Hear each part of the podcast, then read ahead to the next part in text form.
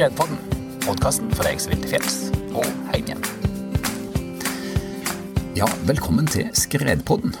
Dette her er podkasten for deg som vil til fjells og hjem igjen. Skredpodden det er et eh, samarbeid mellom eh, CARE, Center for Avalanche Research and Education på UT, Norges arktiske universitet, og skredvarslinga, som er varsom.no, hos NVE. Jeg heter Audun Hetland, og jeg er med å trekke i trådene i CARE og forsker der. Og jeg heter Markus Landrød, og jeg jobber i snøskredvarslinga hos NVE. Ja, og jeg tenkte Vi må jo snakke litt om hva er Skredpodden? Altså Hvorfor i all verden skal vi ha en podkast eh, som handler om snøskred? For det, Vi skal jo i løpet av denne podkasten snakke med ganske mye folk eh, som kan forskjellige ting. Eh, men jeg tror at det er felles for eh, alle det at vi er jo glad i å være til fjells og være på ski. Men så er, jo, eh, ja, så er det dette her snøskredproblematikken som vi er nødt til å håndtere. Og eh, Det trenger ikke nødvendigvis å være så enkelt. Nei, og så er det ikke sikkert at det, det er vi som vet best, Audun. Eh, det er mange mange flinke folk der ute, og, og, de har vi tenkt oss å dra nytte av. Så vi har lyst til å invitere både forskere og eh, medisinere og fjellførere og stupkjørere og ja, et ja. bredt spekter av folk. Ja, Skuterfører tror jeg òg var på lista. Fjell og oh, yes. veivesen. og det, her er... det er ikke måte på. Nei. Og, det, og det, det, tenker jeg altså vi som, som skifellesskap, eller som, som fjellfellesskap, vi, vi kan eh, lære av hverandre. Sånn at vi gjør eh, Eller har muligheten til å lære av hverandre. da. Og det gjør vi Et av de tiltakene er at vi har en sånn skredpod.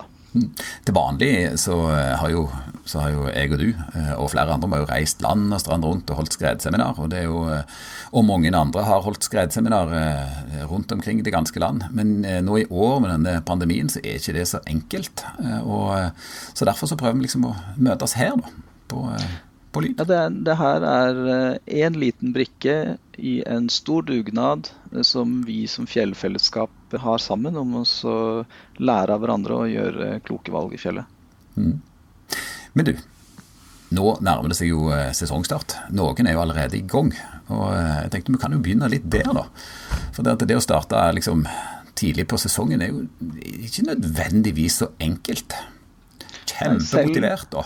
Ja, ja, ja. Voldsomt motivert, faktisk. Jeg har, sånn, har bilde av skikjøring på skjermspareren min her som liksom pirker i sjela mi hele tida. du vil deg så vondt?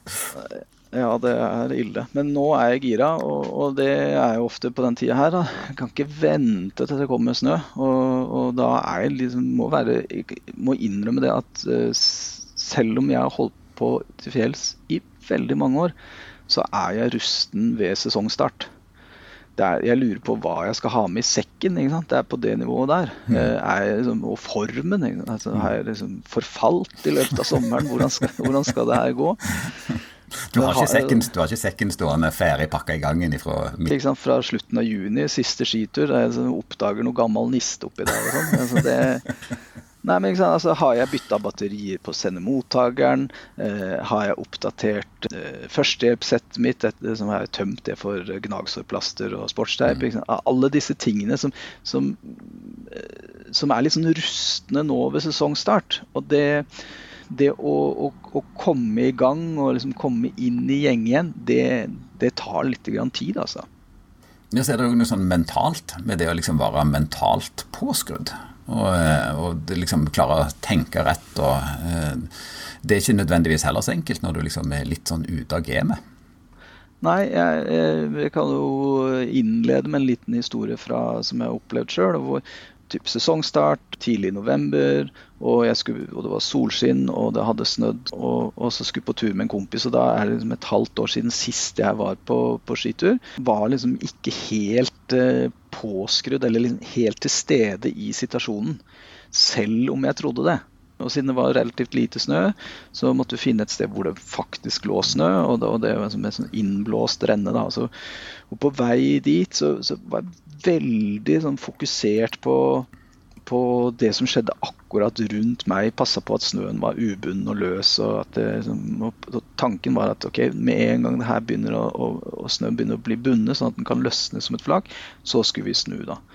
Og det jeg ikke tenkte på, fordi ikke var helt til stede i situasjonen, da, det var at uh, oppe i høyden så blåste det ganske voldsomt. Det, vi var i le for det, men i toppen av den renna som vi hadde tenkt å, å gå, der, der lasta det godt inn med, med snø, og det danna seg flak.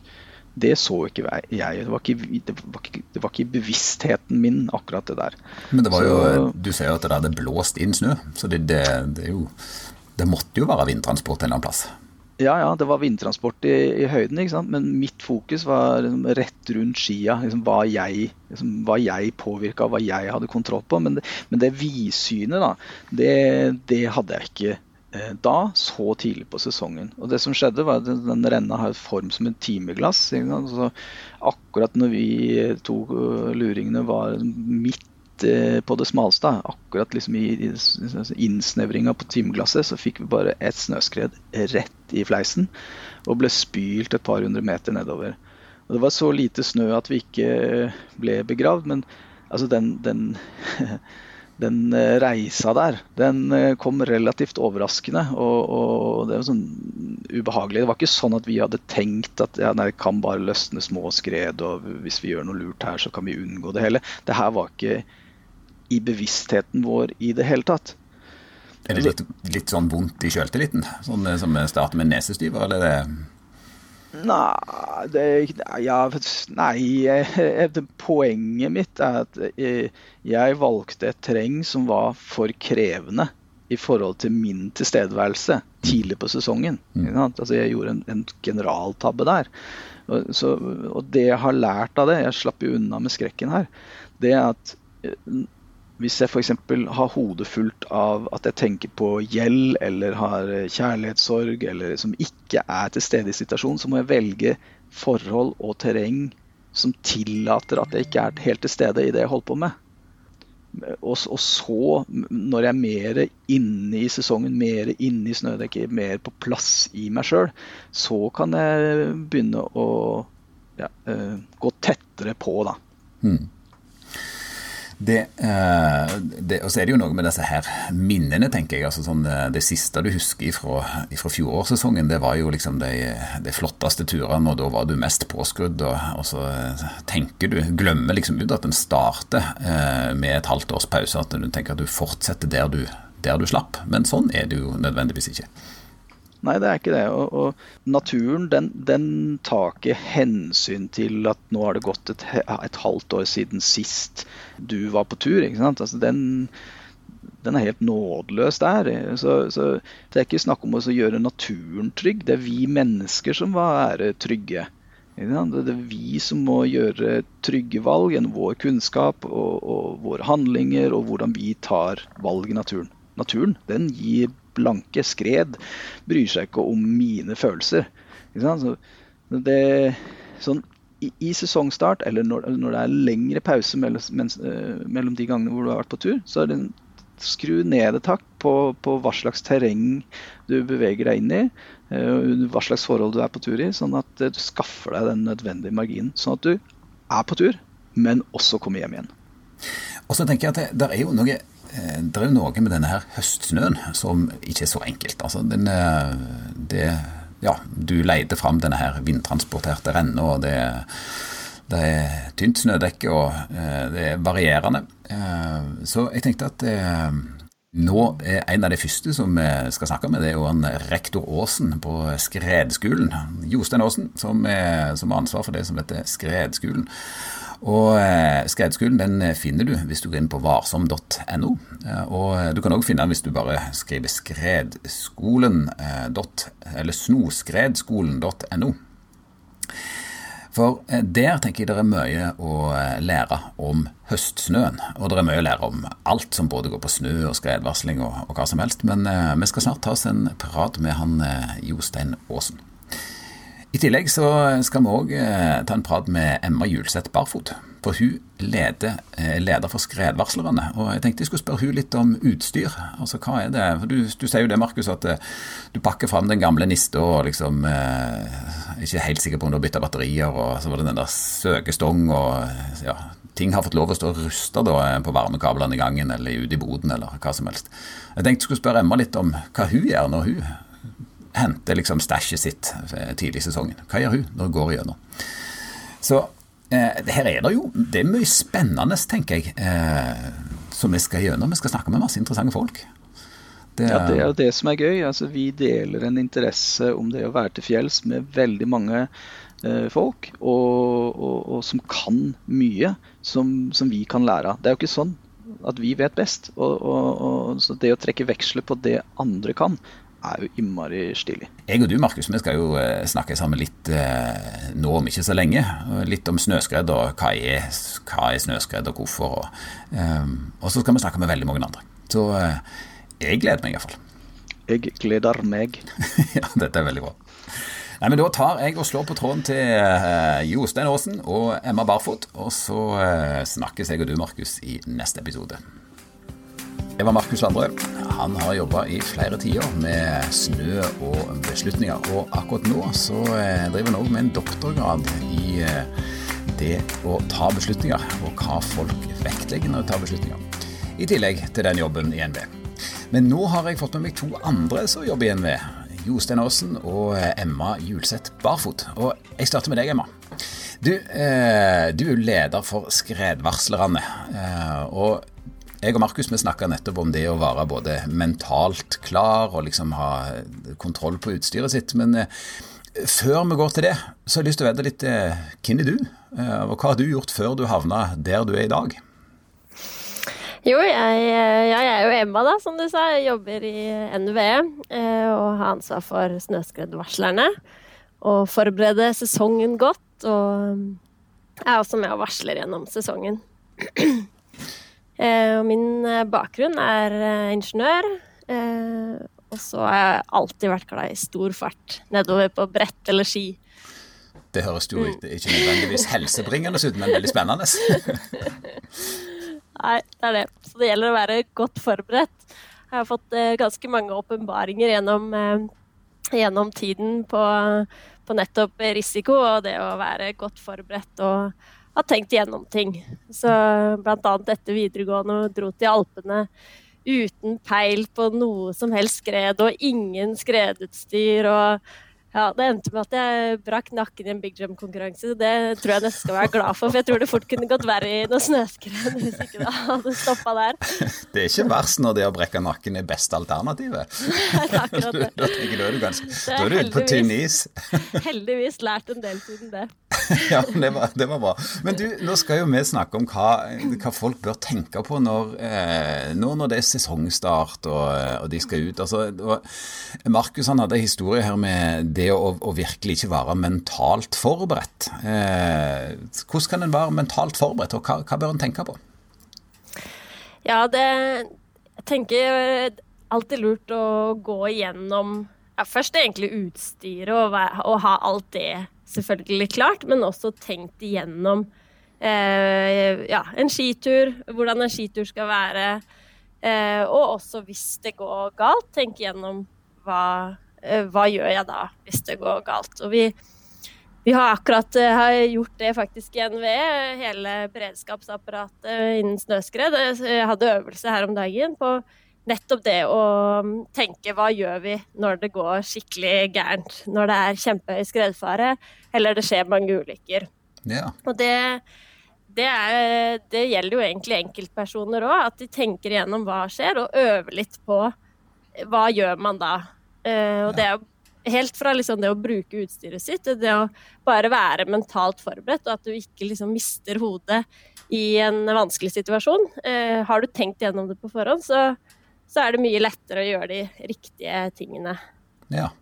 Og Vi starter med utstyret, da, og så kan vi, ta, så kan vi gå litt tilbake til liksom det å være mentalt forberedt. Altså, mm. Hva gjør du når du eh, tipper du går i boden og fisker fram den eh, ski- og snøskredkassen, eller står den framme hele året med deg?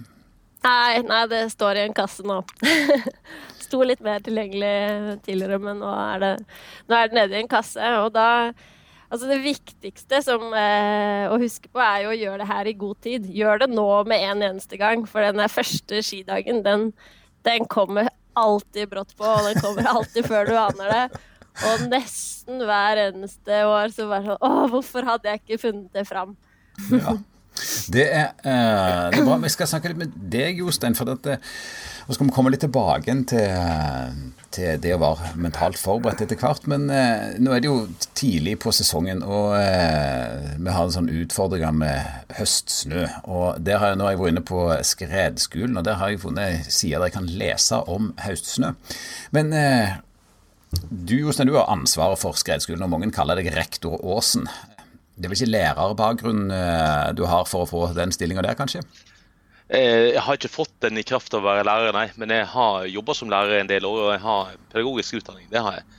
Jeg gikk på Universitetet i Tromsø, studerte fysikk, og har praktisk pedagogisk utdanning derifra. Ja.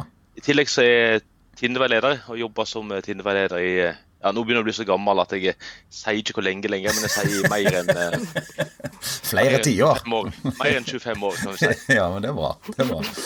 Men du, vi må snakke litt om skredskolen, for det er jo en fantastisk ressurs for de som har lyst til å eh, lære og oppdatere seg. Og, hva er skredskolen, og hvor finner man den? Ja, hva kan de bruke den til? Snøskredskolen finner vi på varsom.no. Eh, finner det sammen med varslene våre. Eh, og Der finner du eh, grundigere forklaringer på eh, hva et varsel, snøskredvarsel er, og eh, forklaringer på snøskredterreng og, hvilke hjelpemidler en kan bruke, kameratredning. Vi har prøvd å gjøre det enkelt, greit og lettfattelig. Kanskje noen vi syns er litt for lett, men vi har prøvd å legge oss på nivå som, som når ut til, til alle. Ja. Og der inne eh, fant jeg altså bl.a. en sånn ei side med sånn eh, haustsnø. Eh, altså hva, hva er det med haustsnøen? Er den, er den spesiell? Nei, altså sånn, eh, Nå skal vi ikke bekymre oss spesielt mye over høstsnøen. Men eh, det som er litt spesielt, er jo at eh, vi i Norge vi kan jo få veldig tidlig snø i fjellene. Eh, Snøskredvarslinga på varsom.no begynner 1.12 hvis det ikke er noe spesielt som tilsier at den eh, varsla tidligere. Eh, og da eh, syns vi at det var et behov for å gi litt info til hva folk skulle se etter når de var på, på tur i, på høsten. nå er det sånn at snødekk er jo lettere å forholde oss til dess færre lagdelinger en har. Mm. Sånn sett er jo høstsnøen enklere å ha med å gjøre enn en midtvinterssnøen. Det, det er den. Eh, det som kanskje er litt sånn eh, problematisk med skiturer og fjellturer på høsten for altså, Vi må ikke bare tenke skifolk. for nå er det jo Frem til jul så har vi fortsatt jaktsesong, og eh, det er jo mye folk som, som går til fots eh, eh, i, i, fjellet. Og eh, kanskje de som er på jakt, ikke har det samme skredfokuset som, mm. som skifolk. men vi må prøve å minner alle på at går de på snø, så, så må de vurdere om de er snøskredterreng og om de utsetter seg for en skredfare.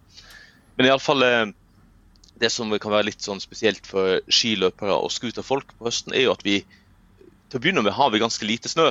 Mm. Det må vi jo innrømme. Og da mm. Eh, vil vi eh, eh, oppsøke snøsamlende formasjoner. Ja. Eh, og der er det ganske fort at vi har oppsøkte terreng der vi har hatt flere omganger med vind som har blåst inn snø. Og vi kan få masse snø. og Plutselig er vi i en, eh, en lagdelt vintersnøsituasjon.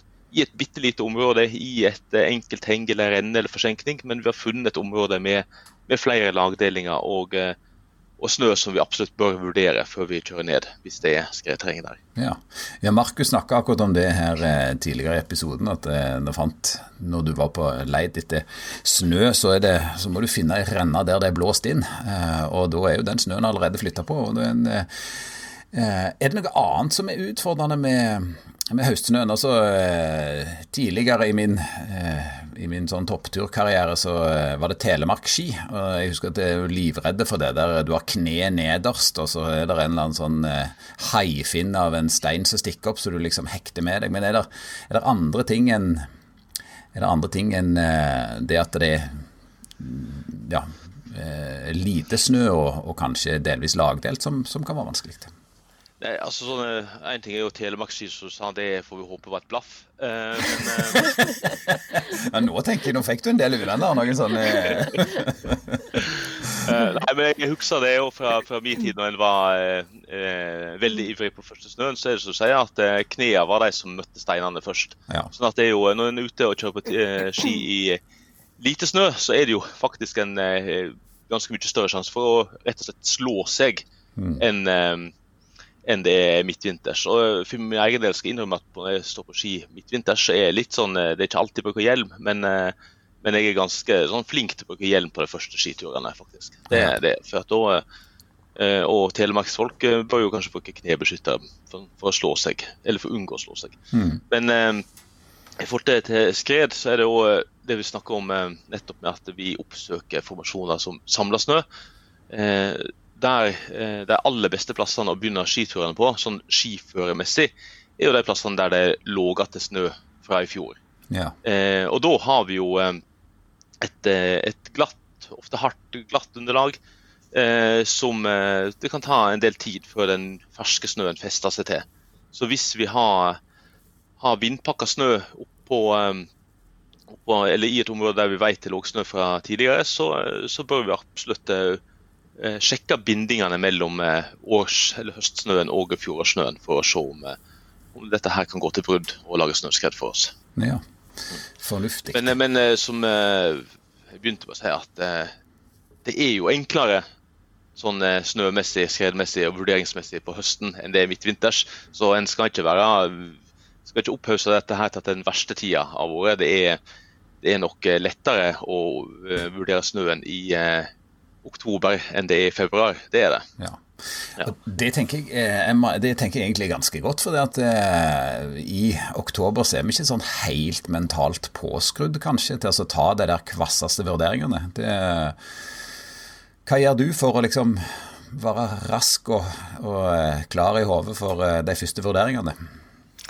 Ja, nei, det er jo eh, det er veldig fornuftig å på en måte friske litt opp i hukommelsen. Og ja, den snøskredskolen er jo et veldig greit sted å begynne da, og lese litt innpå der. Så, så, så, kommer man sikkert på en del ting som er greit å, å ha med seg på den første skituren. Og så er det jo kom på, Vi skulle kanskje gått gjennom utstyret også. Det ja, var... det må vi absolutt. Det ja. må vi absolutt. Eh, la, la, oss gjøre det. La, ja. la, la oss, liksom, eh, oss ta for oss sekken. Og så er det og, eh, hva, hva, bør jeg ha oppi, og hva bør jeg sjekke? Eh, ja. jeg, jeg, fisker fram sekken fra i fjor og plukker den gamle nista og liksom, den halvråtne snickersen og, så, liksom, og, og rensker og rydder litt. Men, men, så var det dette utstyret, da. Liksom, hva, eh, ja. Hva, hva, skal ligge i sekken? Ja det, ja, det, er jo hva skal ligge i, i sekken. Det er spørs, ja, spørs om du skal ha det klart i sekken, da. Men i hvert fall ha det, ha det så klart som mulig for første skitur. Det er i hvert fall fint. Men det er jo selvfølgelig sende mottakeren er jo det mest sårbare utstyret kanskje du har, da. og det, og ta godt vare på det gjennom, eh, gjennom eh, sommeren og ha det på et tørt sted og ikke ha batteriene i, i eh, på sommeren er jo også fornuftig, da. Men eh, forhåpentligvis, om du har glemt det, så bytt i hvert fall batteri, og sjekk at, eh, at, det ikke er korridert, og at det ikke er noe rust inni der, da. Det er jo i hvert fall greit. Og så er det jo finne fram eh, søkestangen. Sett den sammen. Testen. Er den, er den hel og fin? Har den fått noen skader? Er det på tide kanskje å kjøpe en ny en? Har du hatt den i litt for mange år og den er sliten eller skada på noen måte? Mm.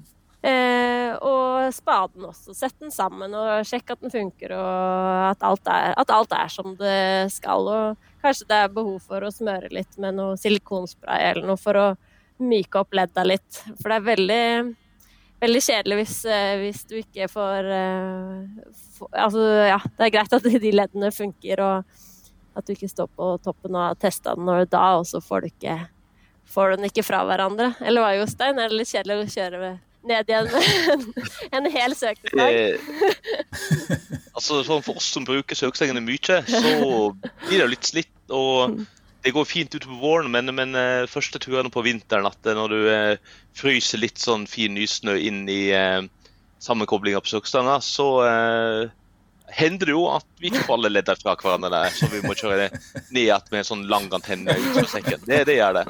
Så for å unngå den fornedrelsen det er å komme inn ned til parkeringsplassen sånn, så er det lurt å smøre, smøre ledder der det kan fryse is eh, med litt sånn silikonspray.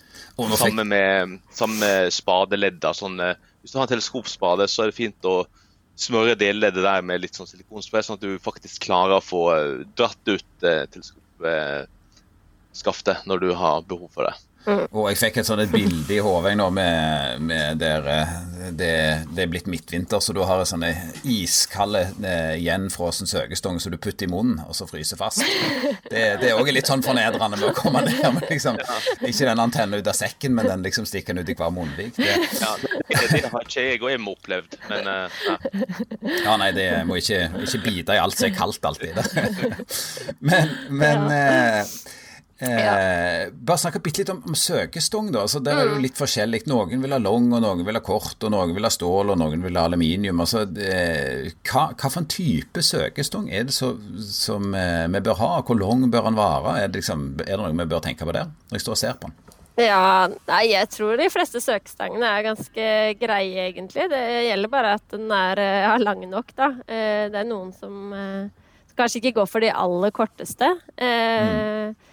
Men eh, jeg tenker det er viktigere å ha en ordentlig god spade. Det er, der, eh, det, er det som skal ta det er det som er liksom den kritiske perioden. Da, sånn at du har en god spade så du får gravd ut eh, noen som ligger under snøen. Da. For det, har du en dårlig spade, eller har du ikke spade, så, så har den personen som har blitt tatt i skred, liten sjanse for å overleve. Da vil du bruke altfor lang tid på å, mm. på å grave ut.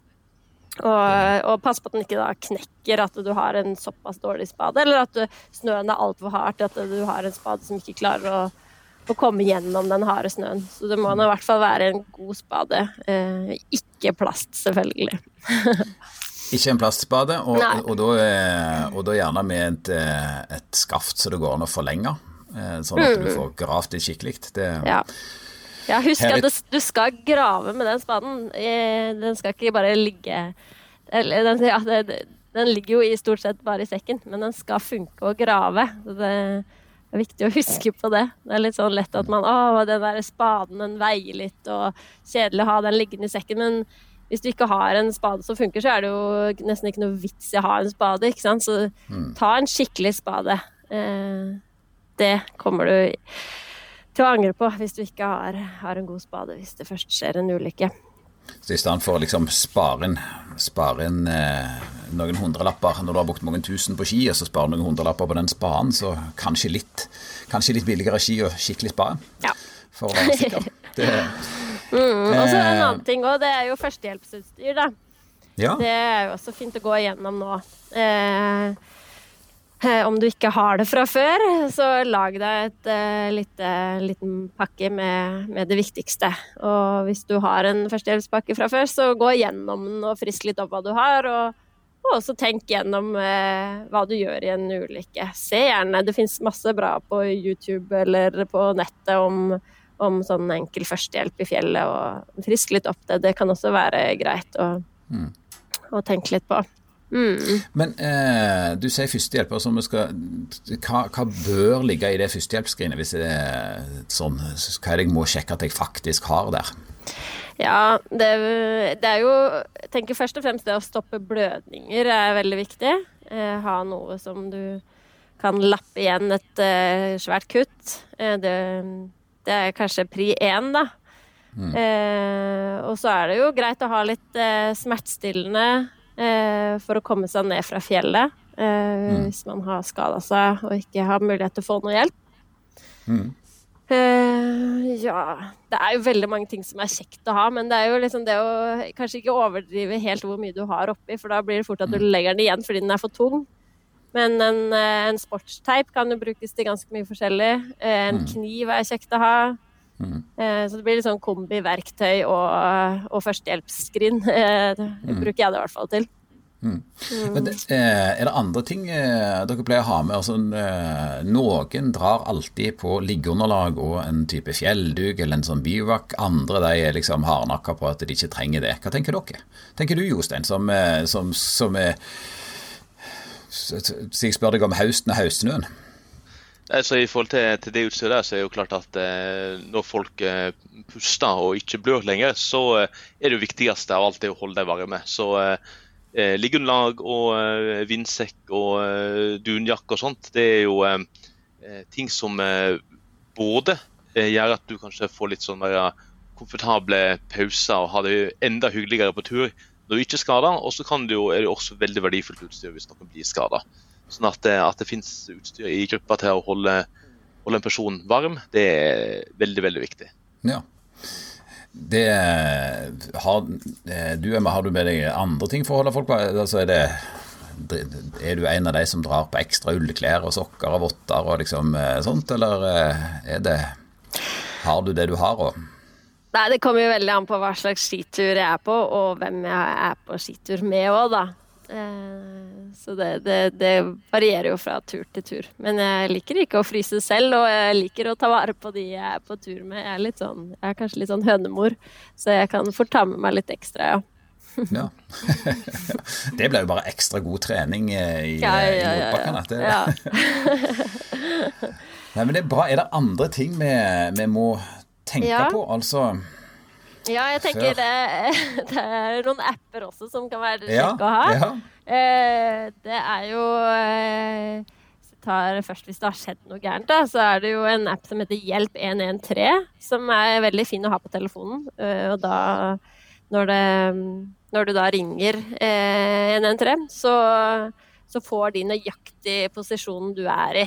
Og det, det kan spare deg for veldig dyrebare minutter, da. Det at de får nøyaktig posisjon med en gang. Så den, mm. den, er jo kjekk å ha. Men kanskje det som er aller viktigst, det er jo det vi eh, jobber med i snøskredvarsling, og det er jo å forebygge at det skal skje en ulykke. Eh, mm. Så da er det jo å ha Regops varsom-appen kan være et eh, fint sted å begynne når du planlegger turen. Eh, enten på web eller eh, app, da.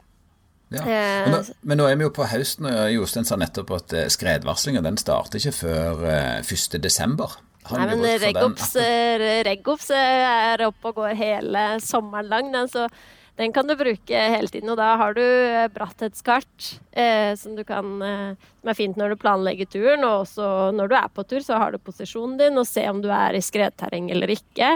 Du får liksom mye bedre oversikt over det. Eh, også I tillegg så, så er folk eh, ivrige på RegObs. Folk sender inn observasjoner før, eh, før 1.12. Hvis det har kommet godt med snø, så kan du garantert finne noen fine observasjoner der. Og selvfølgelig oppfordrer vi også deg eh, og alle til å sende inn eh, observasjoner når du er på tur. Eh, så vi får, får, delt informasjon der. Så tenk liksom at det er en dugnad. og så når ikke snøskredvarslinga begynner før 1.12., så er det kanskje din eh, Det er hele sesongen, da, å bidra til at, eh, at andre får viktig, viktig, informasjon om snøforholdene. Og ikke nødvendigvis bare om snøskred, men, men også liksom det her hvor begynner snøgrensa, og hvor, er, hvor har det kommet, hvor mye snø har det kommet, og det er jo kjempekjekk informasjon for alle som er glad i å være på ski. Mm. Så last den ned om du ikke har den, og få deg en bruker, og lær deg litt eh, hvordan Eller ja. Eh, ha liksom åpna den på forhånd, så når du står ute i kulda, at du vet hvordan du sender inn en observasjon. Og ikke ha høy, ikke ha høy terskel for å gjøre det. Vi er kjempeglade for alle slags observasjoner. Så bare, og i hvert fall nå, bare test litt og send inn. og om du bare tar et bilde av et fjell eh, med litt snø på, så er det helt topp, det. Begynn, begynn, begynn, å gjøre det hvis det er det som er minst skummelt for deg. Så da er du i gang, og da er det lettere å gjøre det en gang til seinere også. Hvis du ser et skred, så er det selvfølgelig gull informasjon for oss å få, få det. Ferske skred, vel å merke. Mm. Må huske på at, eh, at uh, en trenger ikke å fylle ut alle felt på Regops for at det skal mm. være bra. Regops er veldig omfattende. sånn at hvis en bare har fylt ut ett av det er mange punkter vi spør etter, så er det gull godt for oss. Og en trenger heller ikke å være redd for at uh, den infoen en har at en legger den inn på feil plass. For det, det, kommer jo inn i samme, samme varselregops uansett. Så uh, om det blir litt sånn uh, feilsortert, så gjør det ingenting. For vi, vi ser det uansett. Og jeg kan, kan vel love at hittil i Regops historie så har vel snøskredvarslerne lest, sett på absolutt alle observasjoner som blitt sendt inn. Det er fortsatt ikke sånn at det er er for masse. Så eh, alt blir sett på eh, i løpet av, eh, av dagen, iallfall i en varslingsdag. Og, og på Snøskredskolen så har vi ei side, Del informasjon, som, som, beskriver litt av forskjellige felter i Varsom Regops, sånn at en kan få litt hjelp til hvordan en skal gjøre det der inne. Ja. Så 113-appen og Varsom eh, Regops-appen, det må vi ha. Og da fulle batteri på telefonen og kanskje en liten batteribank i tillegg, sånn at en er sikker på at eh, når det blir kaldt, så, så har en strøm nok. Akkurat nå, eh, sånn tidlig på sesongen, så er folk veldig motiverte for alt som, eh, alt som kan eh, være skirelatert. Jeg tenker, er det Bør en ut og trene på noe vis? Det, du snakka litt om det med at du, du, må være klar når det først skjer. liksom Du kan sitte hjemme og tenke mentalt, liksom simulere hva, hva skal jeg gjøre hvis det skjer. liksom, Men bør en trene f.eks. med sende mottaker, og i så fall hvordan? Ja, ja, det veldig Det bør man alltid gjøre hver, hver, før hver sesong, eller det er jo litt sånn Det går, det går jo fint an å øve i hagen uh, uten snø, så og bare sammen noen kompiser, og jeg, jo flere dere er, jo vanskeligere er det å søke òg, hvis du har flere sendemottakere som du skal finne. Så det er jo kjempefint å gjøre nå. Gjør det, kan jo kombinere det med en eh, fin fest på en lørdagskveld og Du kan gjøre det gøy òg. Ja. Så det, det, er fint, det.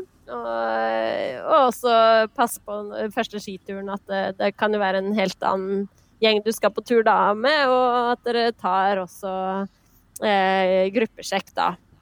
Med alle som er på tur, selvfølgelig. Det bør du gjøre hver eneste tur, men det er jo selvfølgelig ekstra viktig at dere sjekker begge veier. Altså at alle eh, tester eh, send-funksjonen, og alle eh, sjekker at mottakerfunksjonen fungerer som det mm. skal. Bra.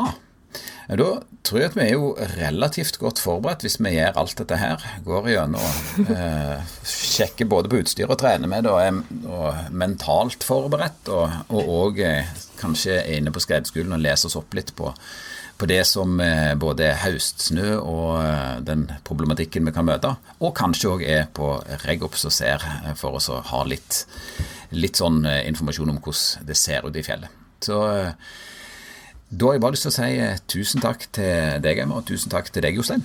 Og så eh, får dere ha en eh, god første tur på ski, når enn det blir.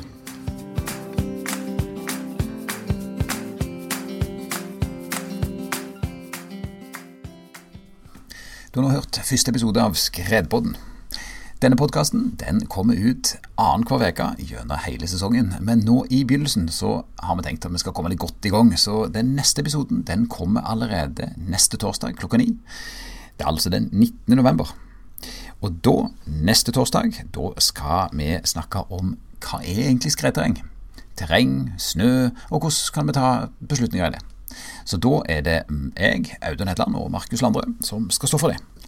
Så om du abonnerer på Skredpodden der som eh, du hører på podkast, så eh, får du det med deg, det som kommer.